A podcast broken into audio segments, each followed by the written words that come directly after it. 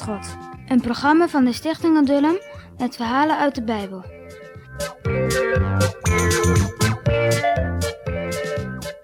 Eindelijk waren de Israëlieten heel dicht bij Canaan. Vanaf de heuvels konden ze er een klein stukje al van zien. Kijk, zeiden ze tegen hun kinderen, daar gaan we wonen. Voor altijd. Maar in dat land woonden toch al mensen? Die wilden niet dat de Israëlieten hun land kwamen natuurlijk. Als ze het toch doen, dan jagen we hen er weer uit, gromden ze. De God van Israël kenden ze niet. Ze bogen zich voor de beelden en deden veel kwaad. Daarom wilde de Heere hun straffen. Hun huizen en tuinen wilde de Heere aan de Israëlieten geven. De Heere had het hun beloofd. Waarom trokken ze dan toch het land niet binnen? Ze durfden niet.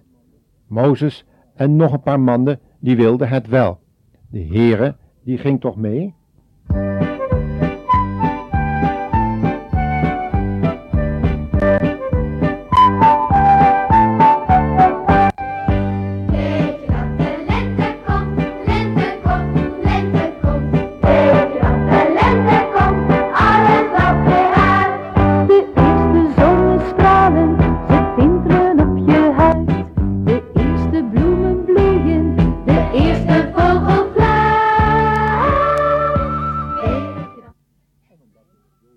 Ja, en omdat de Heer Jezus leeft en ook toen met Mozes en de anderen allemaal meeging om een nieuw begin te maken, net zoiets als lente, gingen ze nog even kijken hoe dat land eruit zag.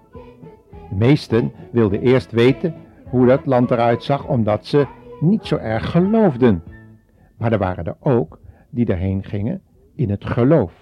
Er waren twee verspieders bij. En die, die geloofden echt.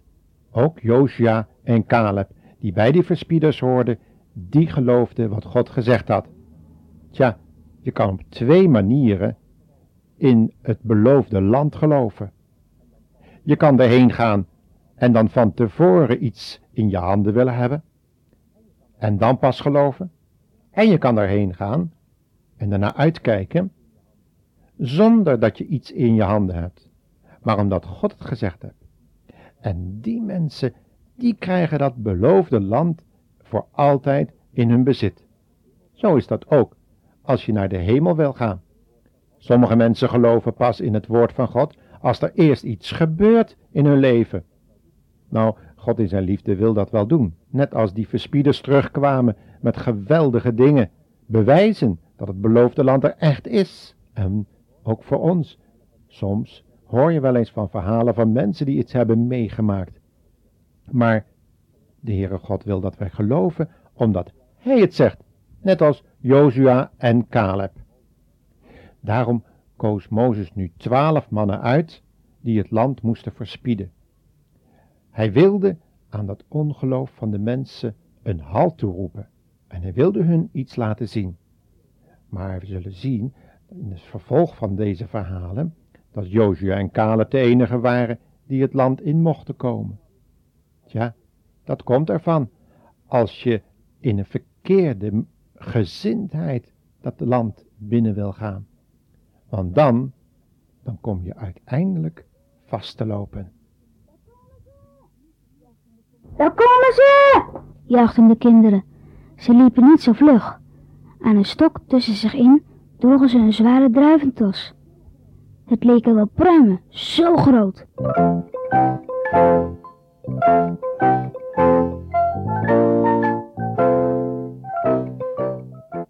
Allen waren nieuwsgierig wat die mannen wel te vertellen hadden.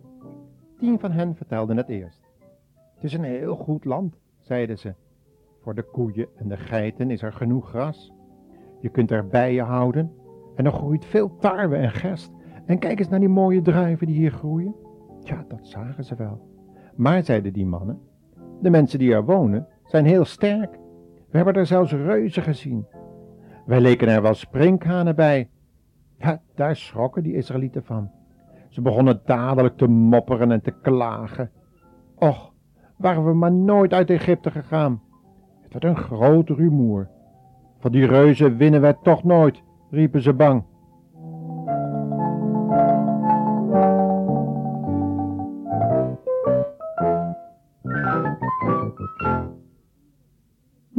Kwamen de twee andere verspieders naar voren.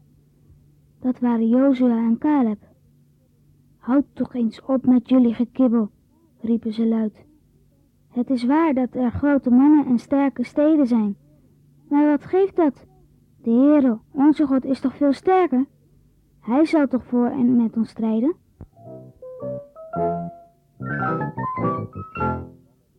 Maar de mopperende mannen wilden niet tegengesproken worden.